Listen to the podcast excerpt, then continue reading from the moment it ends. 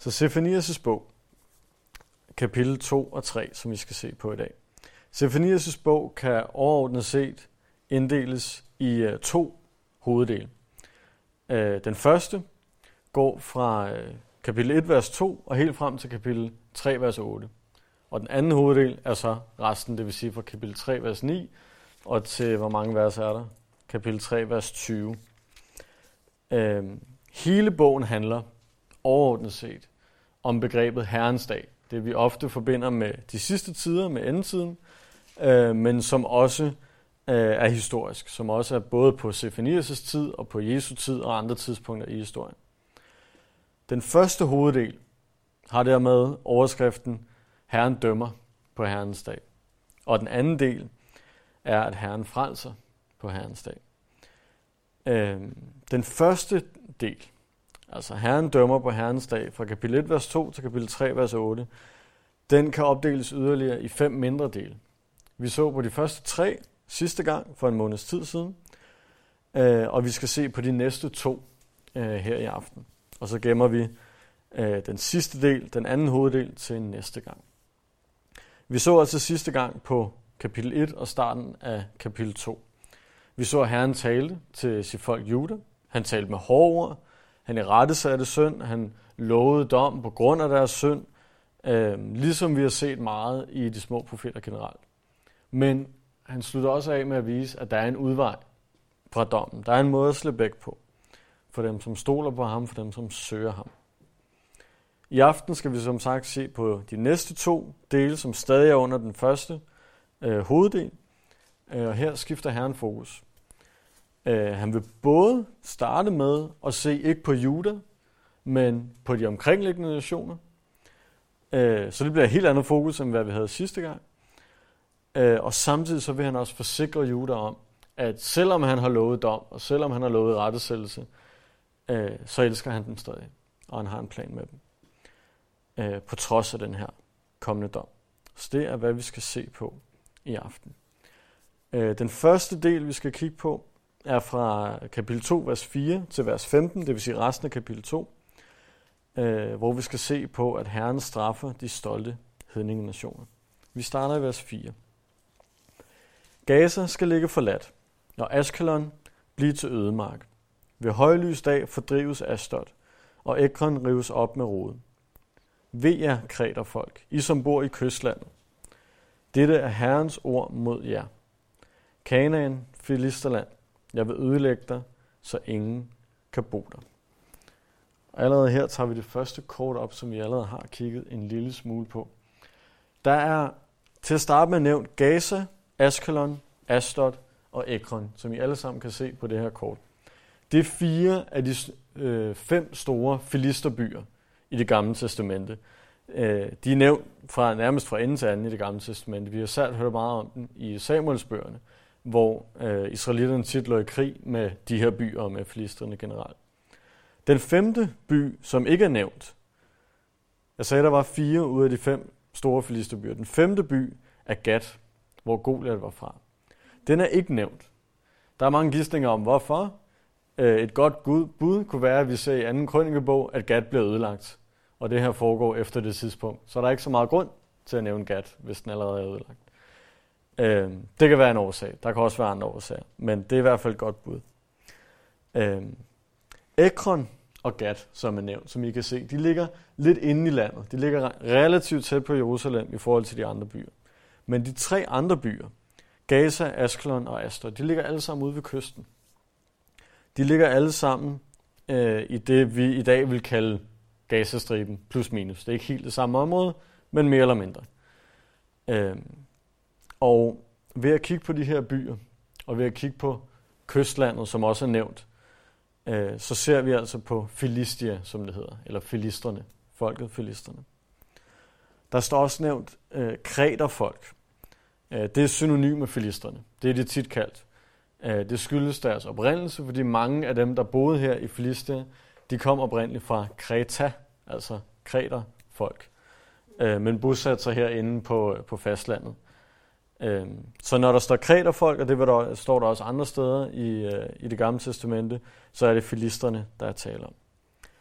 Øh, det her land, filister, som I kan se her på kortet, og folket filisterne. Dem vil Herren komme imod, siger han.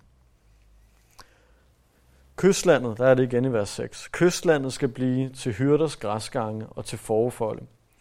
Kysten skal tilhøre dem, der er tilbage af Judas hus.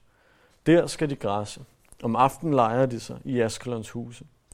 For Herren deres Gud drager omsorg for dem og vender deres skæbne. Så Herren han vil komme imod det her folk øh, på kysten. Og der stod også i det første vers, at landet skal ligge forladt, det vil være ødemark, de vil blive fordrevet ved højlysdag. Det er meget, meget tydeligt, hvad Gud gør. Filisterne skal væk. Og så ser vi nu her i de næste vers, øh, at landet i stedet for skal tilhøre Juda, skal tilhøre Guds eget folk. Øhm, en ting, jeg synes er vildt interessant ved de her vers,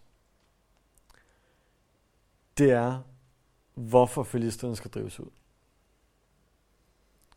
Fordi der står ikke noget om, at det er på grund af deres store ondskab, eller deres synd mod Israel, eller fordi de har dårlige ånde, eller et eller andet. Der står faktisk ingenting om, hvorfor. Mange andre steder, hvis man for eksempel slår op i Amos' bog, der er en meget, meget lignende passage, hvor Gud han, han taler om den nation og den nation og den nation, og de vil blive fjernet på grund af den synd. De vil blive fjernet, fordi de gjorde det mod Guds folk. De vil blive fjernet, fordi at de var dårlige mennesker osv. osv. Det står der intet om her.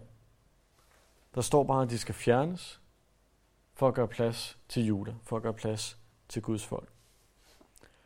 Der står intet om synd. Og jeg, jeg er ikke i tvivl om, at de har været syndere. Jeg er ikke i tvivl om, at de har gjort dårlige ting, og sikkert også været onde mod Israel, som de har ligget krig med. De har formentlig også haft dårlige ånden. Er mit bedste bud. Det er bare ikke derfor, de skal fjernes. Der er ikke nævnt nogen specifik synd omkring de her, den her nation. Men årsagen, den helt simple årsag, er som der står sidst i vers 7. For Herren deres Gud drager omsorg for dem. Altså ikke for filisterne, men for sit eget folk, for Guds folk, Juda. Og vender deres skæbne. Og hvis man ser på det her rent objektivt, så tænker man, det er simpelthen ikke fair. Det er tavligt. Du kan ikke, du kan ikke bare komme og sige, nu øh, er der nogle andre, der skal bo der. Det, det er unfair. Vi boede her først, og øh, jamen, vi har været længst, eller hvad ved jeg. Det er ikke fair. Og enig. Det, altså, det er ikke fair.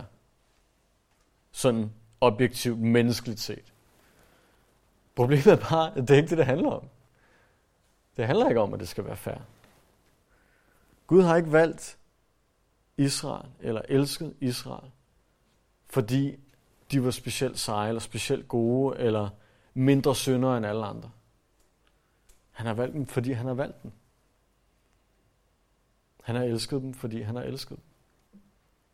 Og han har nu engang sat det sådan sammen, at han vil give det her land, ikke bare det, de havde på den tid her, hvor der stod Juda med store bogstaver, men hele det område har han tænkt sig at give til sit eget folk. Og han ønsker samtidig at vise sin storhed gennem det folk. Det var akkurat derfor, han overhovedet valgte et folk. Det var for at vise sin storhed over for resten af verden igennem det folk. Og det gør han ved at sætte foden ned og sige, nu bestemmer jeg, Israel skal bo her, eller Juda skal bo her. Han viser sin magt ved bare at kunne sige, det er sådan, det bliver. Sådan ser vi Guds storhed i det land. Det er ikke engang nødvendigvis igennem, hvordan en person lever sit liv. Gud viser sin storhed, hvem der bor i et bestemt stykke land. Hvem der ejer et bestemt stykke land.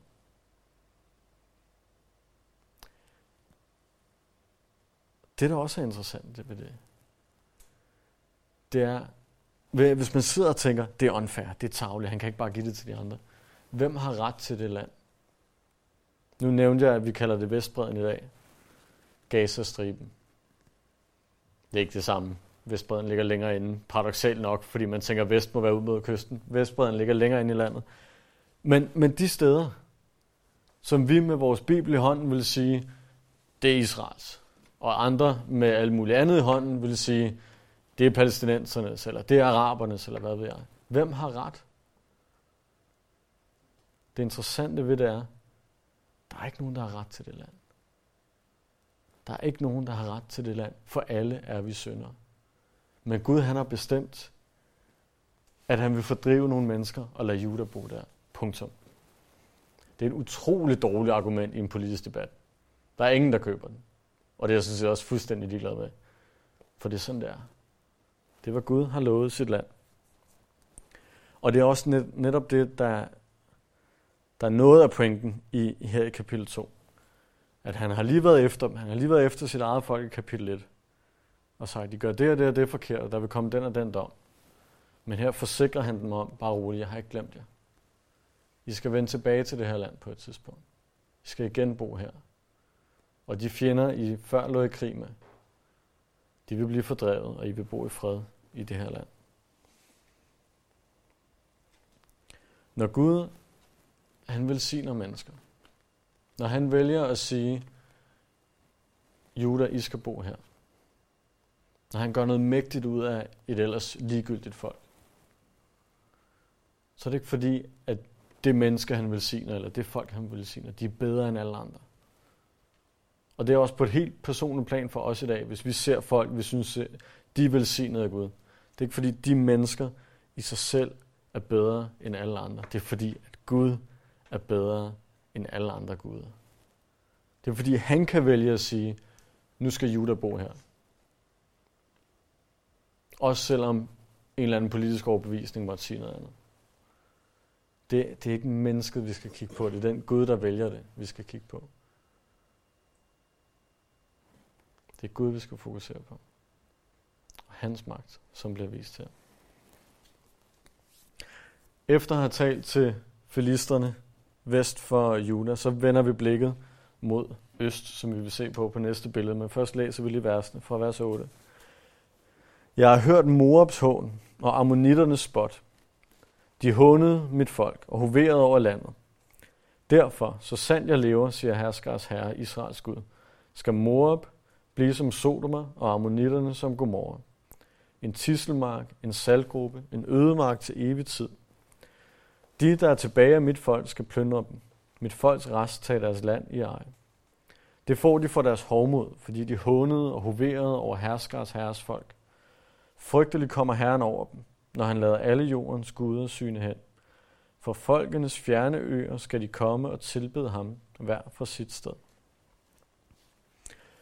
Øh, hvis ikke man øh, har øjnene med sig i aften og kan se hele vejen herop til kortet, så er der meget, meget lignende kort i øh, de fleste almindelige danske biler, som man også kan slå op i. Men her ser vi et lidt mere udvidet billede. Øh, man kan stadig, er der står ikke navn på, men man kan stadig selvfølgelig se øh, den vestlige kyst vest for Jerusalem. Øh, det vi kommer til at se på nu, er Moab og Ammon. De står ikke med navn, men de ligger her, hvis man ellers kan se min finger øst for, undskyld, de ligger her, øst for Jerusalem, øst for det, man vil kalde Juda på det her tidspunkt. Øh, det er en del, en øh, del af Jordan. Øh, vi snakker om ammonitterne, og Jordans hovedstad hedder Amman. Der er sjovt nok en sammenhæng, for der hvor Amman lå på det tidspunkt, der ligger Amman i dag. Det giver meget god mening. De her to lande, Moab og Amman, dem kommer Herren imod på grund af deres synd. Og det, her er der rent faktisk nævnt en synd, modsat med filisterne. Øhm, og det er primært, at de har øh, ydmyget, at de har hånet Guds folk. Øhm, så det, der er ikke så meget, hvad skal man sige, sammenligning med, med hvad vi lige har læst. Gud har, har forskellige intentioner, har, han har en tanke for hver af de her nationer. Hans, øh, hvad, hvad er det, man kalder dem? Han differencierer imellem. Han står ikke alle over en kamp, det hedder det ikke, men øh, jeg har glemt udtrykket. Under alle omstændigheder, så har Gud styr på hver enkelt nation. Det er ikke fordi, han bare siger, nå, ikke Israel, væk med jer. Han ser på hver enkelt individ, på folkets synd, øh, i det her tilfælde, øh, Ammon og Moab. Eneste sammenligning, der ligger, eller den største sammenligning, der ligger, det er den kærlighed, Gud har til sit eget folk.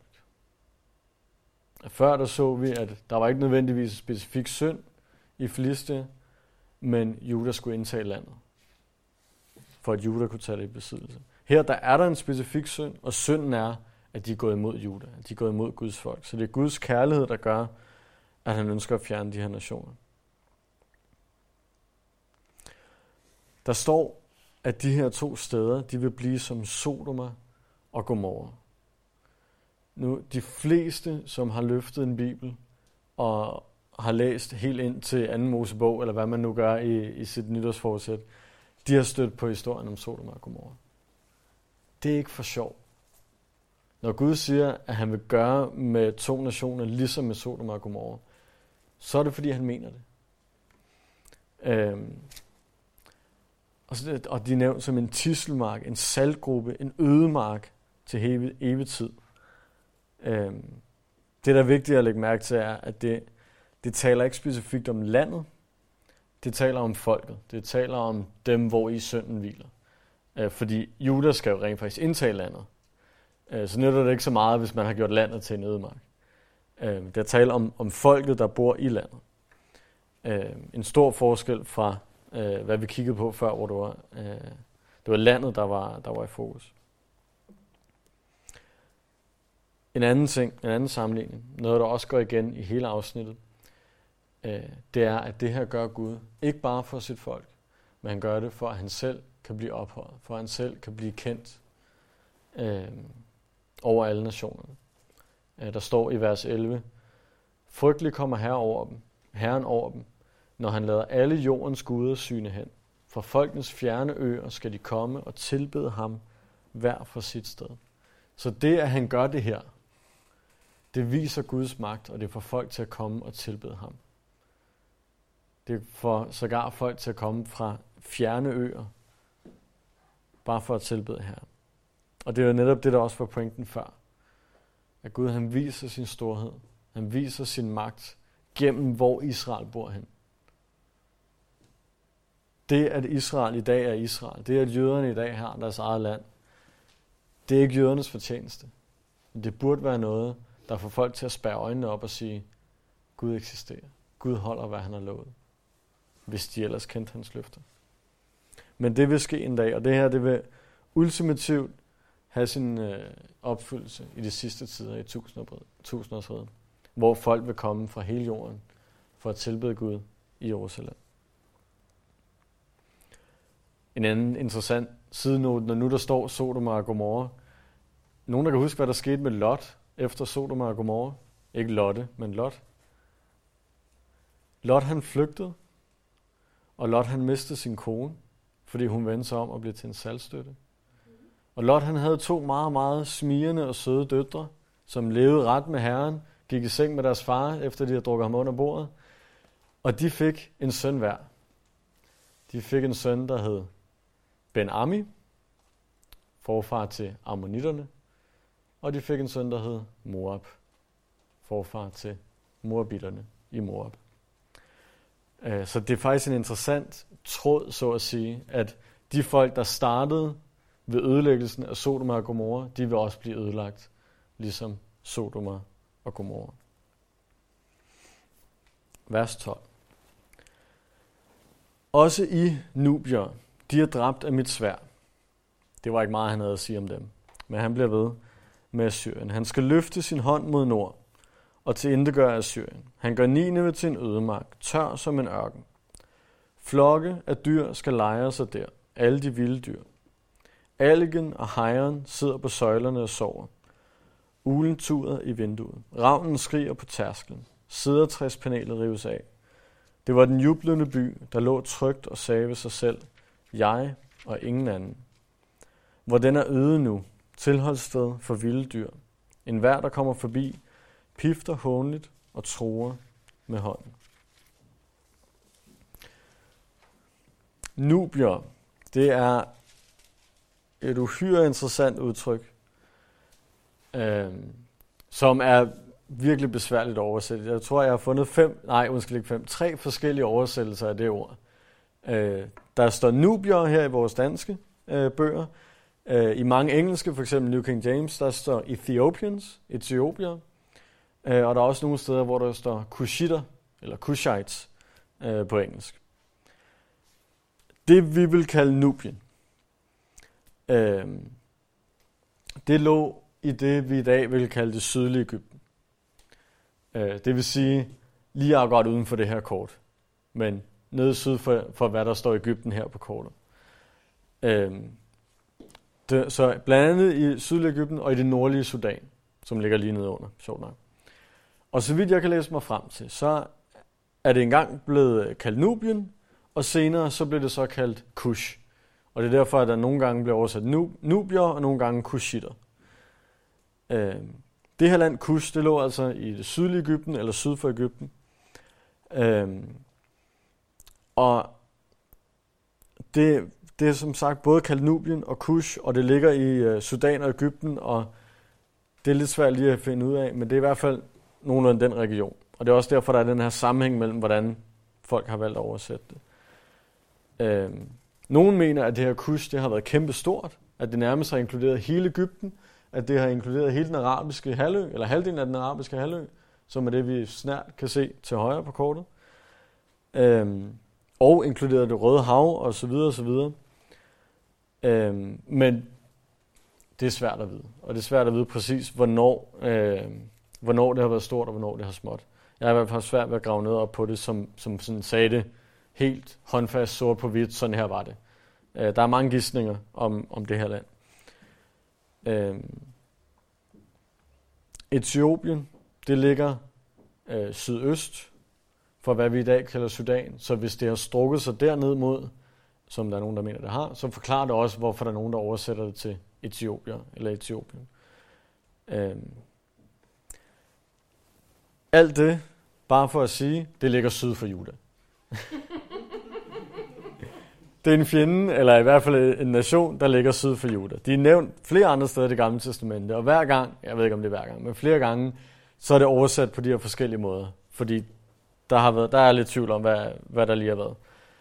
Øhm, der er også nogen, der mener, at det taler om Ægypten. At det her Kush eller Nubien, det har på et eller andet tidspunkt haft indtaget hele Ægypten. Så når man siger Nubier, så mener man faktisk bare Ægypten. Øh, det var der også en kommentator, der mente. Det er i hvert fald syd for.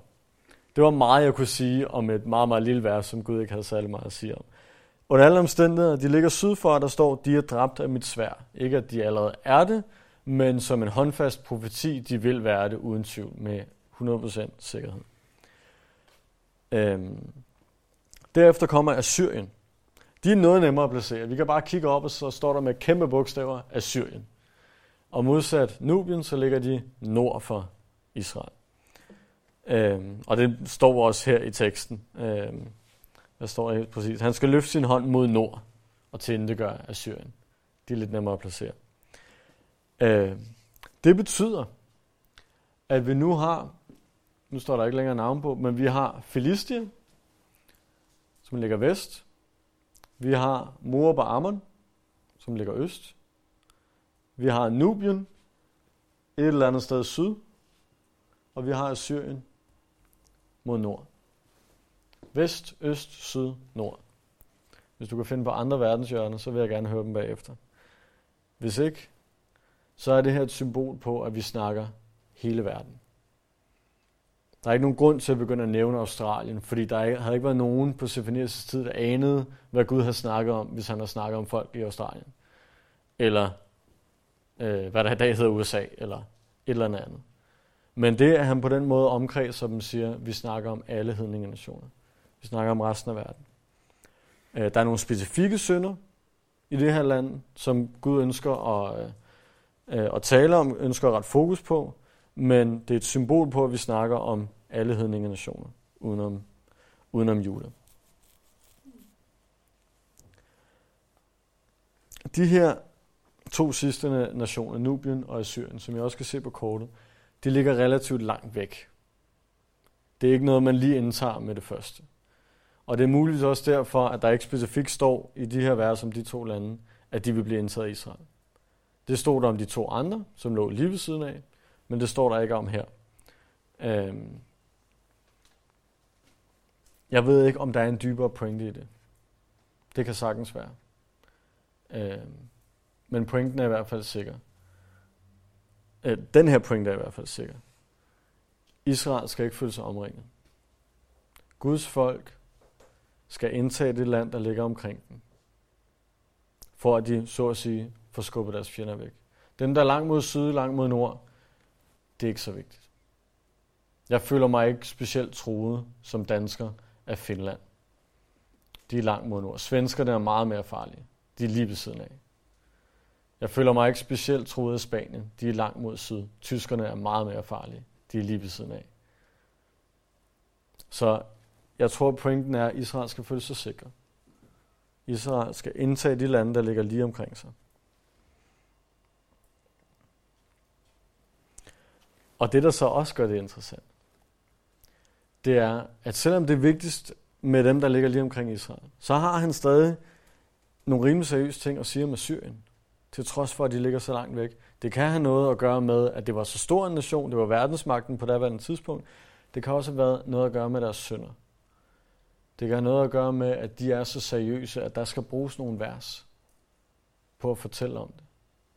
Der var ikke nogen grund til at fokusere meget på Nubien. Det var kun et vers, som endda var et kort vers. Men Syrien er så opfyldt af hovmod, stolthed, ødelæggelse over deres fjender, øhm, at Gud er nødt til at se på det. Gud er nødt til at dømme det. Gud er nødt til at sige noget imod det. Og vi så på sidste gang, hvor meget Gud han hader stolthed, hovmod. Jeg mangler et bedre dansk ord for det. Han hader den her øh, tro på, øh, på egen styrke. Tro på egen retfærdighed, bare fordi man er stærkere end de andre. Og det er det, at Syrien var fyldt af. Det, der står, at de sagde ved sig selv, jeg og ingen anden. De ophøjede sig selv, der er ikke nogen ved siden af mig. Vi er verdensmagten. Og det er her Gud bryder ind og siger, bare vent. Der er nogle andre, der er større end dig. Der er faktisk en anden, der er større end dig. Tror, det er derfor, at, at Gud han fokuserer så meget på Assyrien. Moralen eller pointen her i, i det her afsnit fra kapitel 2, vers 4 til vers 15, det er, som jeg også nævnte tidligere, at nu har Gud i rette sat Juda i kapitel 1, og nu går han også imod de omkringliggende nationer. Romerbrevet 3.23 siger, at vi har alle syndet og mistet herligheden fra Gud. Det er både jøder og hedninger. Guds folk og ikke Guds folk. Det kan godt være, at Guds folk måske har et større ansvar. De har fået en større åbenbaring. De ved mere om, hvad der er rigtigt og forkert, fordi de har Guds ord. Det gælder både os i dag og jøderne dengang. Men alle er syndere over for Gud. Alle står til regnskab over for Gud. Han er herre og konge over hele jorden. Der er ikke nogen, der slipper udenom. Der er, der er ikke engang nogen, der vil kunne sige, ah, vi havde jo ikke hørt så meget om Bibelen. Nej. Men der er masser af anden åbenbaring end Bibelen. Ikke lige så tydelig som Bibelen. Der er masser af åbenbaringer om, hvem Gud er. Undskyld ikke nødvendigvis om, hvem Gud er, men at Gud er. At han findes, at han skal respekteres. Samtidig, udover det, så viser Gud også, at selvom han har i rette sat Juda i kapitel 1, så har han stadig en plan med dem, som jeg efterhånden også har nævnt et par gange. Han har en plan med sit folk om, at de skal indtage de her andre lande. Øh, og det, det sker med en dobbeltopfyldelse. Jeg nævnte tidligere, at hele temaet for bogen er Herrens dag. Og det her er også Herrens dag. Det her er Herrens dag rent historisk, i det, at efter fangenskabet, der kommer øh, jøderne eller judæerne tilbage og genindtager øh, deres eget land, får lov til at bo de her steder, som Gud har lovet dem, som Gud har lovet Abraham. Og det har den endelige opfyldelse i de sidste tider, hvor der vil være fred på alle sider, både nord, øst, vest og syd. Og de vil have, have fred i Jerusalem. De vil have fred i de omkringliggende områder, hvor jøderne vil bo til evig tid. Eller i hvert fald i tusindårsreden. Det er selvfølgelig ikke evigt. Herrens dag i det her tilfælde har både en historisk opfyldelse for os og en fremtidig opfyldelse. Og lad os gå over til kapitel 3. Her vender vi tilbage til, at Herren straffer sit folks synd.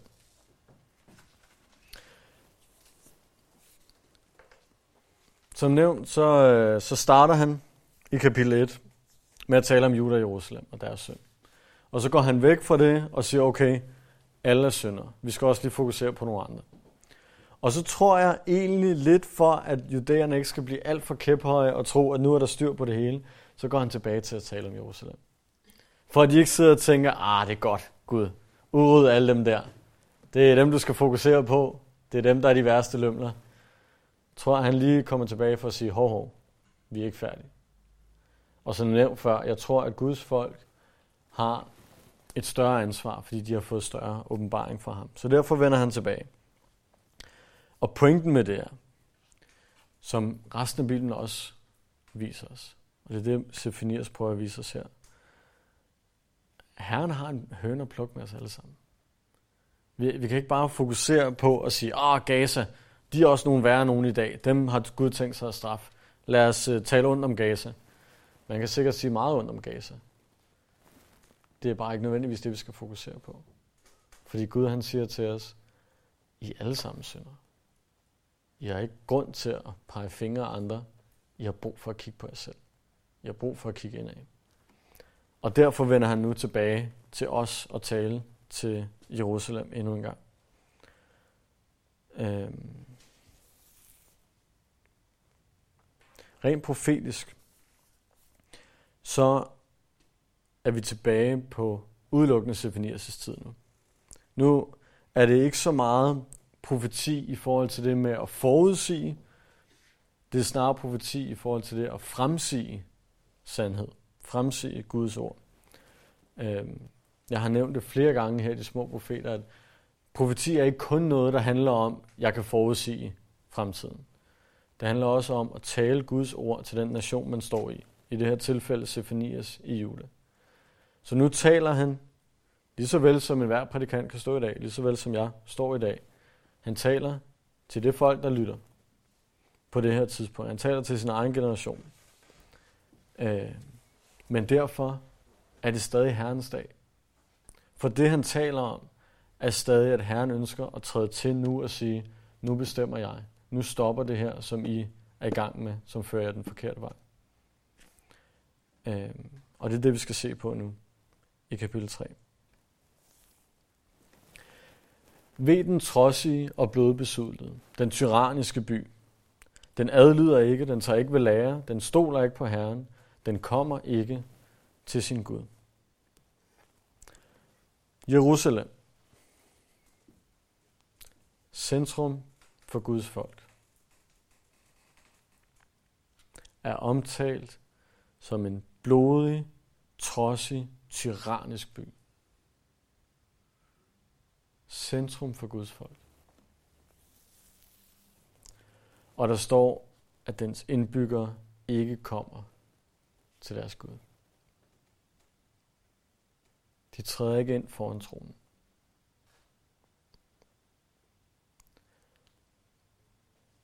Og som nævnt før, jeg tror, jeg tror, der er en grund til, at han starter så voldsomt. Han prøver lige at ruske op i dem og sige, glem kapitel 2. Der har vi været. Det er fint nok. Tilbage til fokus. Tilbage på jer selv. Kig indad. Se på, hvad Jerusalem er for en by. Selv når Gud han forsøger at rette på dem, med en kærlig hånd sender profeter, sender mirakelmager, så står der, at de tager ikke ved lære. På engelsk står der, at de tager ikke imod øh, correction, de tager ikke imod i rettesættelse. De tager ikke imod sund fornuft og gode råd om at ændre, hvad de har i gang med. Fire gange i de her to vers står der ikke. Ting, de ikke gør, selvom de burde. De adlyder ikke. De tager ikke ved lære. De stoler ikke. Og de kommer ikke til Gud. I øvrigt, at der står, at øh, byen ikke kommer til sin Gud, er også det, der gør, at vi, øh, vi snilt kan tolke det her som værende i Jerusalem, selvom der ikke står specifikt Jerusalem. Men der bliver ved med at stå hele vejen ned igennem. Øh, der, øh, til, de kommer ikke til sin Gud, og der er også nævnt profeter og præster. Der er ikke andre steder, de havde profeter og præster. Det må være Jerusalem, der taler om her. Den store mand er brølende løver. Den stommer er nattens ulve, der gnæver ben ind til morgen. Dens profeter snakker løs. De er troløse mænd. Dens præster vanhelliger det hellige. De forbryder sig mod loven. Så Gud har startet med at sige, kig ind af. Kig på jer selv. Lad være med at kigge på alle de andre omkring jer. Kig på jer selv. Og det han så tager fat i, det er hvor problemet startede. Han tager fat i lederne i landet. Stormændene, profeterne, præsterne, dommerne. De udfører deres værv for egen vindings skyld.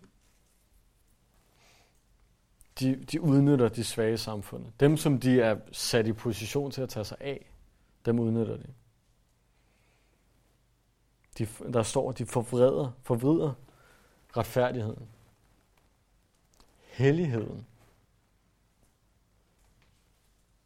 forvrider de, eller vanhelliger de. En ting er, hvis du kigger på et samfund, hvor, som et samfund som Danmark, der er kriminelle i vores samfund. Og så hvis du kigger på Danmark og siger, se engang på de kriminelle i Danmark. De gør kriminelle ting. Øh, ja. Det er kriminelle. Ikke at det er en undskyldning, ikke at jeg ser ned på dem, men det er nu engang det, kriminelle gør. De gør kriminelle ting. Man, man kan også kigge på de fattige, og nogle gange nu har jeg ikke selv prøvet at være i så hård en situation, men jeg kan godt forestille mig, hvis du er meget, meget fattig, hvis du er hjemløs, så tyr du måske til nogle midler, som ikke er de helt rigtige midler for at få mad. Fordi der er måske ikke andre muligheder. Det er sådan, verden fungerer. Så man, så man, man kunne kigge på det og sige, det er ikke i orden, men det er sådan, det er. Det, det er ikke et unormalt samfund, at, at sådan nogle ting sker. Det er bare ikke det, der foregår i Jerusalem. I Jerusalem, der er det lederne, der gør de her ting. Der er det præsterne, der er uheldige. Der er det stormændene, der snyder de andre. Der er det dommerne, der forvrider loven. Så er der noget galt i et samfund. Der er kriminelle alle steder. Men hvis de kriminelle er dem, der er sat ind for at skulle lede landet. Vi kunne sige det med andre ord. Hvis de kriminelle er højesteretsdommer og politikere, så ved vi, at der er noget galt i et samfund. Ikke for at sige noget om højesteretsdommer eller politikere, men så er der noget galt i et samfund. Og det er det, der foregår i Jerusalem. Som kontrast til de her store mænd, der finder vi en person. En person i vers 5. Herren øver retfærdighed i byen. Han begår ikke uret. Hver morgen fælder han dom. Den udbliver ikke ved solopgang. Men den uretfærdige kender ikke til skam. Herren øver retfærdighed i byen. Når hans eget folk fejler, så skal han nok sørge for, at retfærdigheden bliver udøvet. På godt og ondt. Det er både som værende den hellige, den rene, den evigt gode og kærlige Gud, som han nu engang er.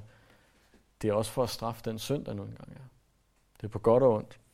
Han er garant for, at retfærdigheden vil sejre. Han er den sikkerhed, der er for, at retfærdigheden vil sejre. Når dommerne og præsterne osv. ikke selv vil gøre det. I New King James, der står oversat til dansk derfra, der står der, hver morgen bringer han sin retfærdighed eller sin dom frem i lyset. Han svigter aldrig. Han svigter aldrig, står der. Herren svigter aldrig. Og jeg kan godt lide den oversættelse, fordi at, at der står, at han, han bringer sin retfærdighed eller sin dom, og hænger af, hvordan man oversætter det ord, frem i lyset. Han skjuler det ikke. De her ledere i landet, de prøver at skjule deres gerninger. Og en bog som Ezekiels bog, den foregår kort tid efter det her. Der, der er der et kapitel, nu kan jeg ikke huske, hvor det er, men der, der er en historie om, at Ezekiel han får et syn, hvor han kigger ind i, øh, jeg tror det er ind i templet. Det er som om, at murene går til side, og han kan se ind i templet, han kan se, hvad præsterne laver, og det er fyldt med alt, hvad der er uheldigt. Og præsterne, de nyder det bare. De vader rundt i det. Inde i Herrens tempel. De prøver at skjule deres gerninger. Men Herren, han bringer alt frem i lyset. Herren, han kan gøre alt, hvad han vil, i fuld dagslys, for han ved, at det er godt. Og han ved, at der, hvad end han gør, så er der ikke nogen grund til at skjule det. Han er ikke pinlig over det. Men de her ledere i landet, de havde brug for at skjule, hvad de gjorde. Det er som regel en dårlig ting, når du er nødt til at skjule noget for andre.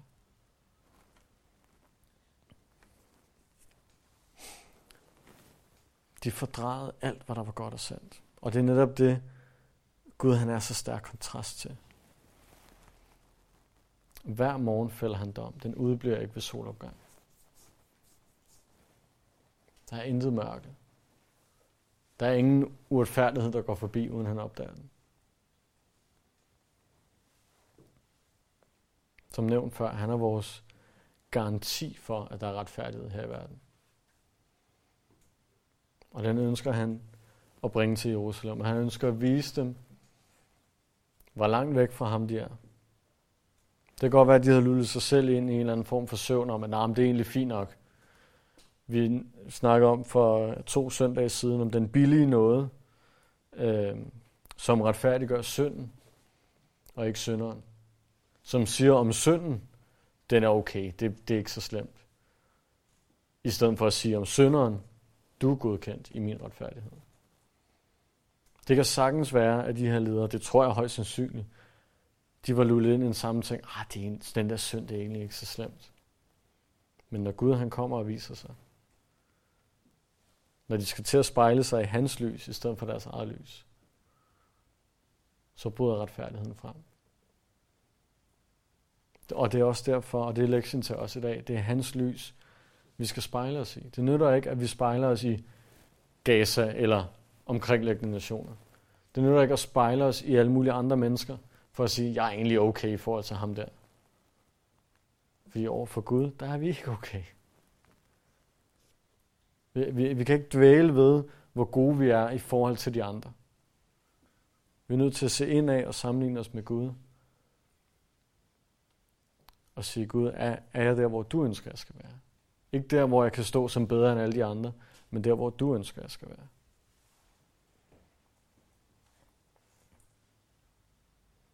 Pointen her er, når alle de andre fejler, så svigter Gud ikke, så er han stadig trofast.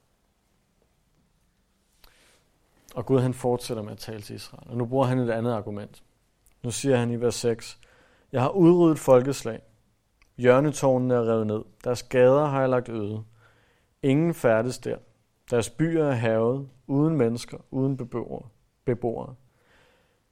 Jeg sagde, bare du ville frygte mig og tage ved lære, så skulle dens boliger ikke til gøres, som jeg havde bestemt. Alligevel fortsatte de med alle deres fordærvelige gerninger. Det Gud taler om her i, i vers 6, det er, at han har før har bragt sin dom og sin retfærdighed. Han har før trådt ind og sagt, prøv at se forskellen og dømt byer, dømt folkeslag, som der står. Og det har han gjort både i Israel, det har han gjort i Guds folk. Han har allerede ødelagt øh, Samaria, hovedstaden i det nordlige rige Israel. Og han har ødelagt andre byer øh, i andre nationer. Og pointen her er, at Gud han starter med at tale direkte til sit folk. Han har sendt en lang række profeter, startende med Moses og hele vejen op til Sefanias. Han har sikkert også sendt flere end dem, vi lige kender til. Han har talt til sit folk i årtusinder. Han har prøvet at omvende dem. Han har prøvet at få dem til at frygte ham, som de burde. Han har prøvet at vende dem tilbage til et tæt forhold til ham. Han har talt og talt og talt. Men som vi også så i vers 1 og 2, de havde ikke taget ved lære. De havde ikke omvendt sig. De havde ikke lyttet. De var ikke kommet til deres Gud. Derefter så prøver Gud noget andet. Han har talt direkte til dem. Nu prøver han at tale indirekte til dem. Nu prøver han at vise dem gennem deres naboer, gennem det nordlige rige Israel, gennem andre byer, som han har dømt tidligere. Han prøver at vise, hvad der sker med en nation, der vandrer i synd. Han har prøvet at udrydde andre steder, der ikke vil omvende sig, for at sige til Juda, prøv at se, hvad der sker, hvis I fortsætter den vej. Syndens løn er død. Hvis I bliver ved med at vandre i synden, så fører det helt naturligt. Også selvom Gud ikke blander sig, men bare fordi, at synden er en dødsens farlig sygdom, så fører det død med sig. Han prøver direkte og indirekte. Og han bruger samme taktik i dag. Han prøver at tale direkte til os igennem sit ord.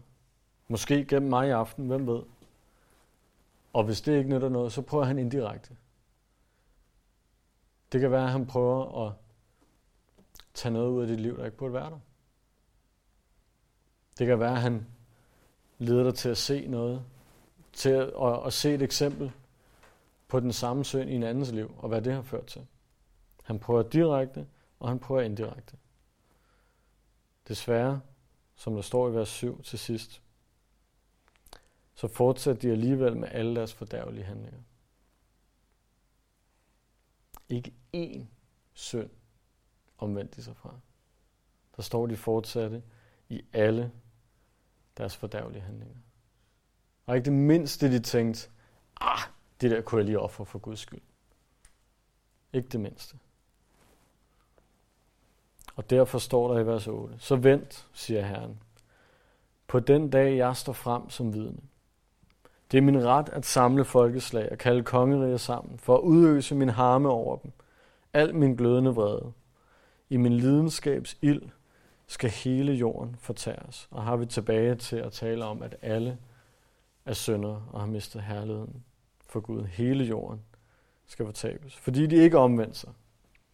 Selvom Gud havde advaret dem på den ene og den anden måde, selvom han har kaldet på dem flere gange, så vil han i stedet for at stå frem som vidne over for dem. Vidne om deres ondskab, deres synd.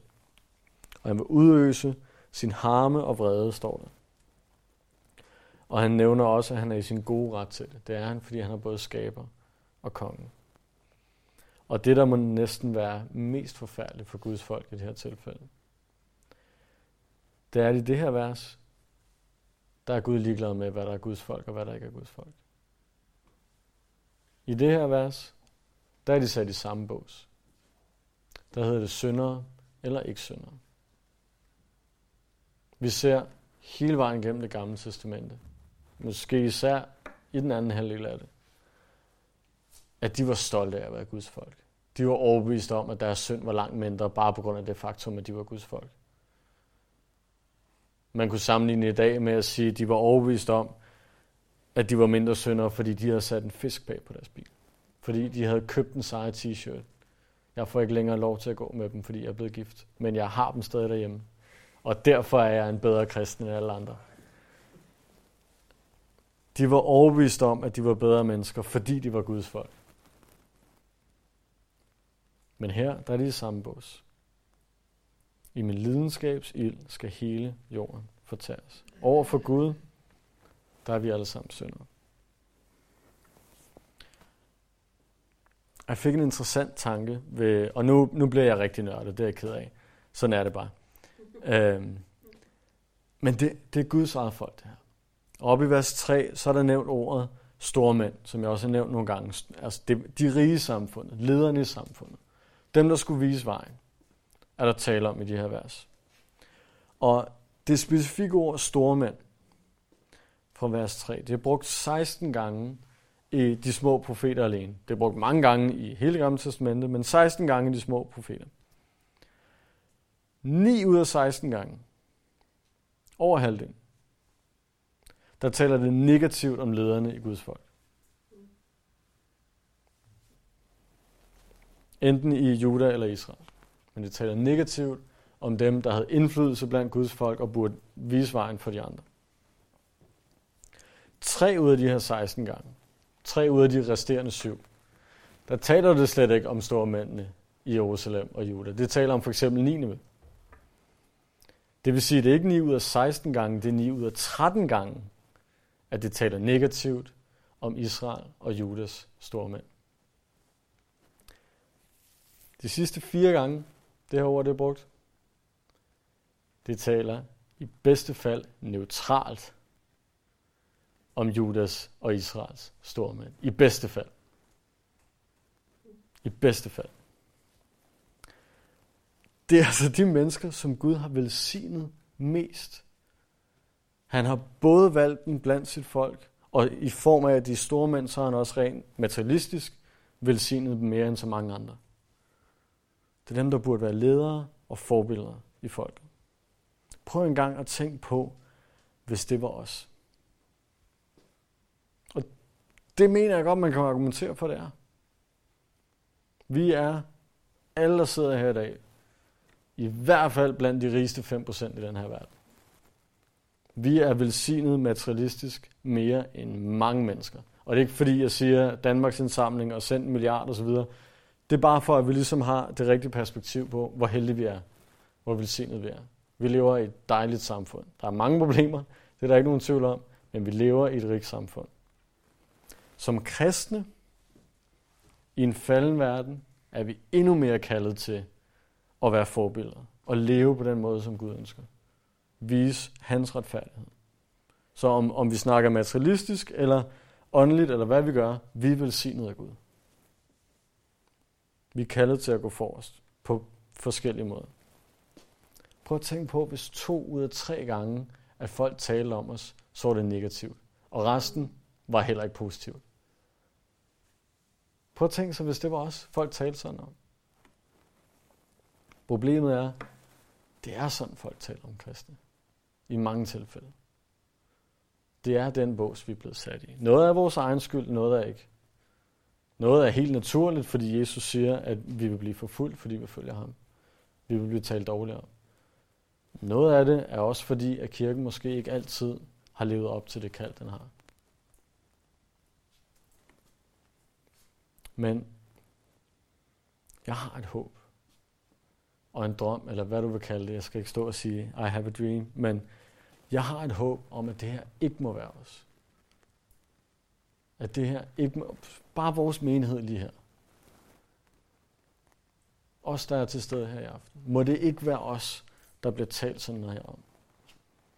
Må det ikke være os, der ikke, ikke, ikke, ikke gør, som Herren ønsker. For at gentage vers 1 og 2. Må vi være et folk, der i stedet for at være dårlige ledere som den her, så kigger på vers 5 og siger, det er den Gud, jeg ønsker at følge. Det er det liv, jeg ønsker at leve.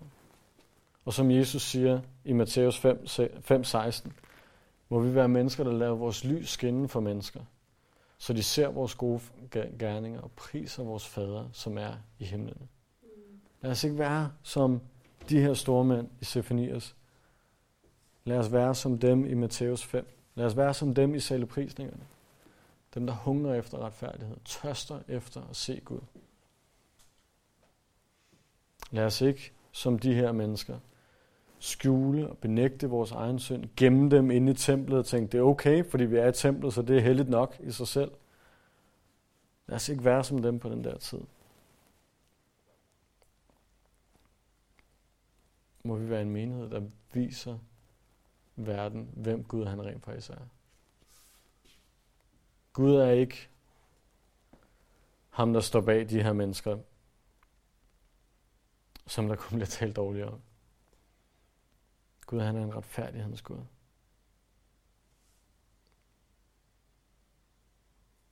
Og så kan man spørge helt lavpraktisk, hvordan gør vi det? Hvordan lever vi vores liv på den måde, som Jesus siger? Hvordan lader vi vores lys skinne for mennesker, så de ser vores far i himlen? Ser vores gerninger og priser vores far i himlen? Jeg vil gentage vers 1 og 2 i kapitel 3, bare med omvendt foretegn. Der står i Jerusalem, ikke adlyder Gud. Lad os adlyde Gud. Ikke et liv i, i lovtrældom og koldt og stringent og hvad ved jeg, men i et fast tillidsforhold til, at Gud han, han ved, hvad der er bedst. Det er ham, der bestemmer. Lad, lad os leve et liv, hvor vi adlyder, hvad Gud han siger. Der står mere, at de ikke tager ved lære. Lad os tage ved lære af Gud. Når Guds ord siger noget til os, som vi måske skal lære af, som vi skal ændre i vores liv, lad os gøre det. Lad os læse hans ord, studere hans ord, undersøge hans ord, og ikke kaste ting bort, fordi de ikke er så nemme, eller ikke lige er vores smag, eller vi ah, måske siger det noget andet på græsk, eller på italiensk, eller hvad ved jeg. Lad os, lad os tage ved lære af Guds ord. Der står også, at de ikke stoler på Herren. Lad os stole på ham i, an, i alle ting.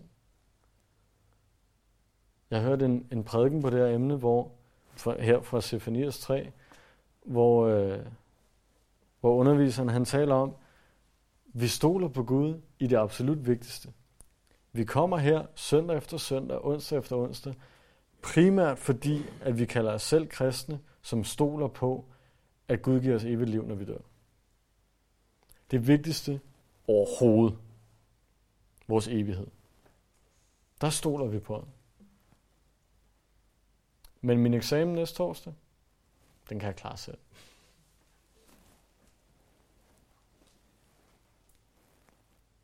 Hvilken vej jeg skal gå i mit liv? Jeg spørger, en, jeg spørger en eller anden klog. Jeg spørger Daniel. Jeg spørger min far. Lad os stole på ham i alle ting. Og jeg ved ikke, om det er fordi, at den største ting bliver mere flyvsk, men lad os stole på ham i alle ting i vores dagligdag. Lad det ikke være vores styrke, vores timing, hvad kan vi? Må det være hans styrke og timing, vi stoler på. Og vigtigst af alt, så står der, at Jerusalem, de kommer ikke til deres Gud. Må vi være en menighed, der lever kontinuerligt med vores Gud. Ikke bare søndag og onsdag. Må vi komme til vores Gud. Tal med ham, tal til ham, hør fra ham, lad ham tale. Sørg for at holde dit forhold til ham nært og tæt. Ligesåvel som vi forsøger at holde et tæt forhold til vores venner og familie. Hvor vi tænker, ej, nu har jeg ikke set ham længe, eller han vil også blive glad for et opkald, eller hun savner mig sikkert. Lad os, spænde, lad os bruge noget tid med dem. Så ved med, at Gud han også savner dig, når han ikke har set dig længe. Kom til ham. Modsat af, hvad judæerne gjorde. Kom til ham. Lad os bede. Far, jeg ønsker ikke, at det her bare skal blive øh, sentimental snak om, hvad, hvad der er godt og rigtigt og sandt. Far, jeg beder, at du må hjælpe os med at komme til dig. Far, må du fjerne alle barriere, al frygt, alle forkerte tanker, som, som Satan prøver at bilde os ind. Og far, hjælp os med at komme til dig. Hjælp os med at fokusere på, at du er retfærdighedens Gud. Hjælp os til ikke at se alle mulige andre steder hen, men vide, at vi er alle syndere, og vi har alle sammen brug for dig. Tak, at du renser os. Tak, at du tager imod os. Tak, at vi både kan stole på dig til de helt små ting og til den allervigtigste ting. Far, tak for det evige liv. Vi priser dit navn. Amen.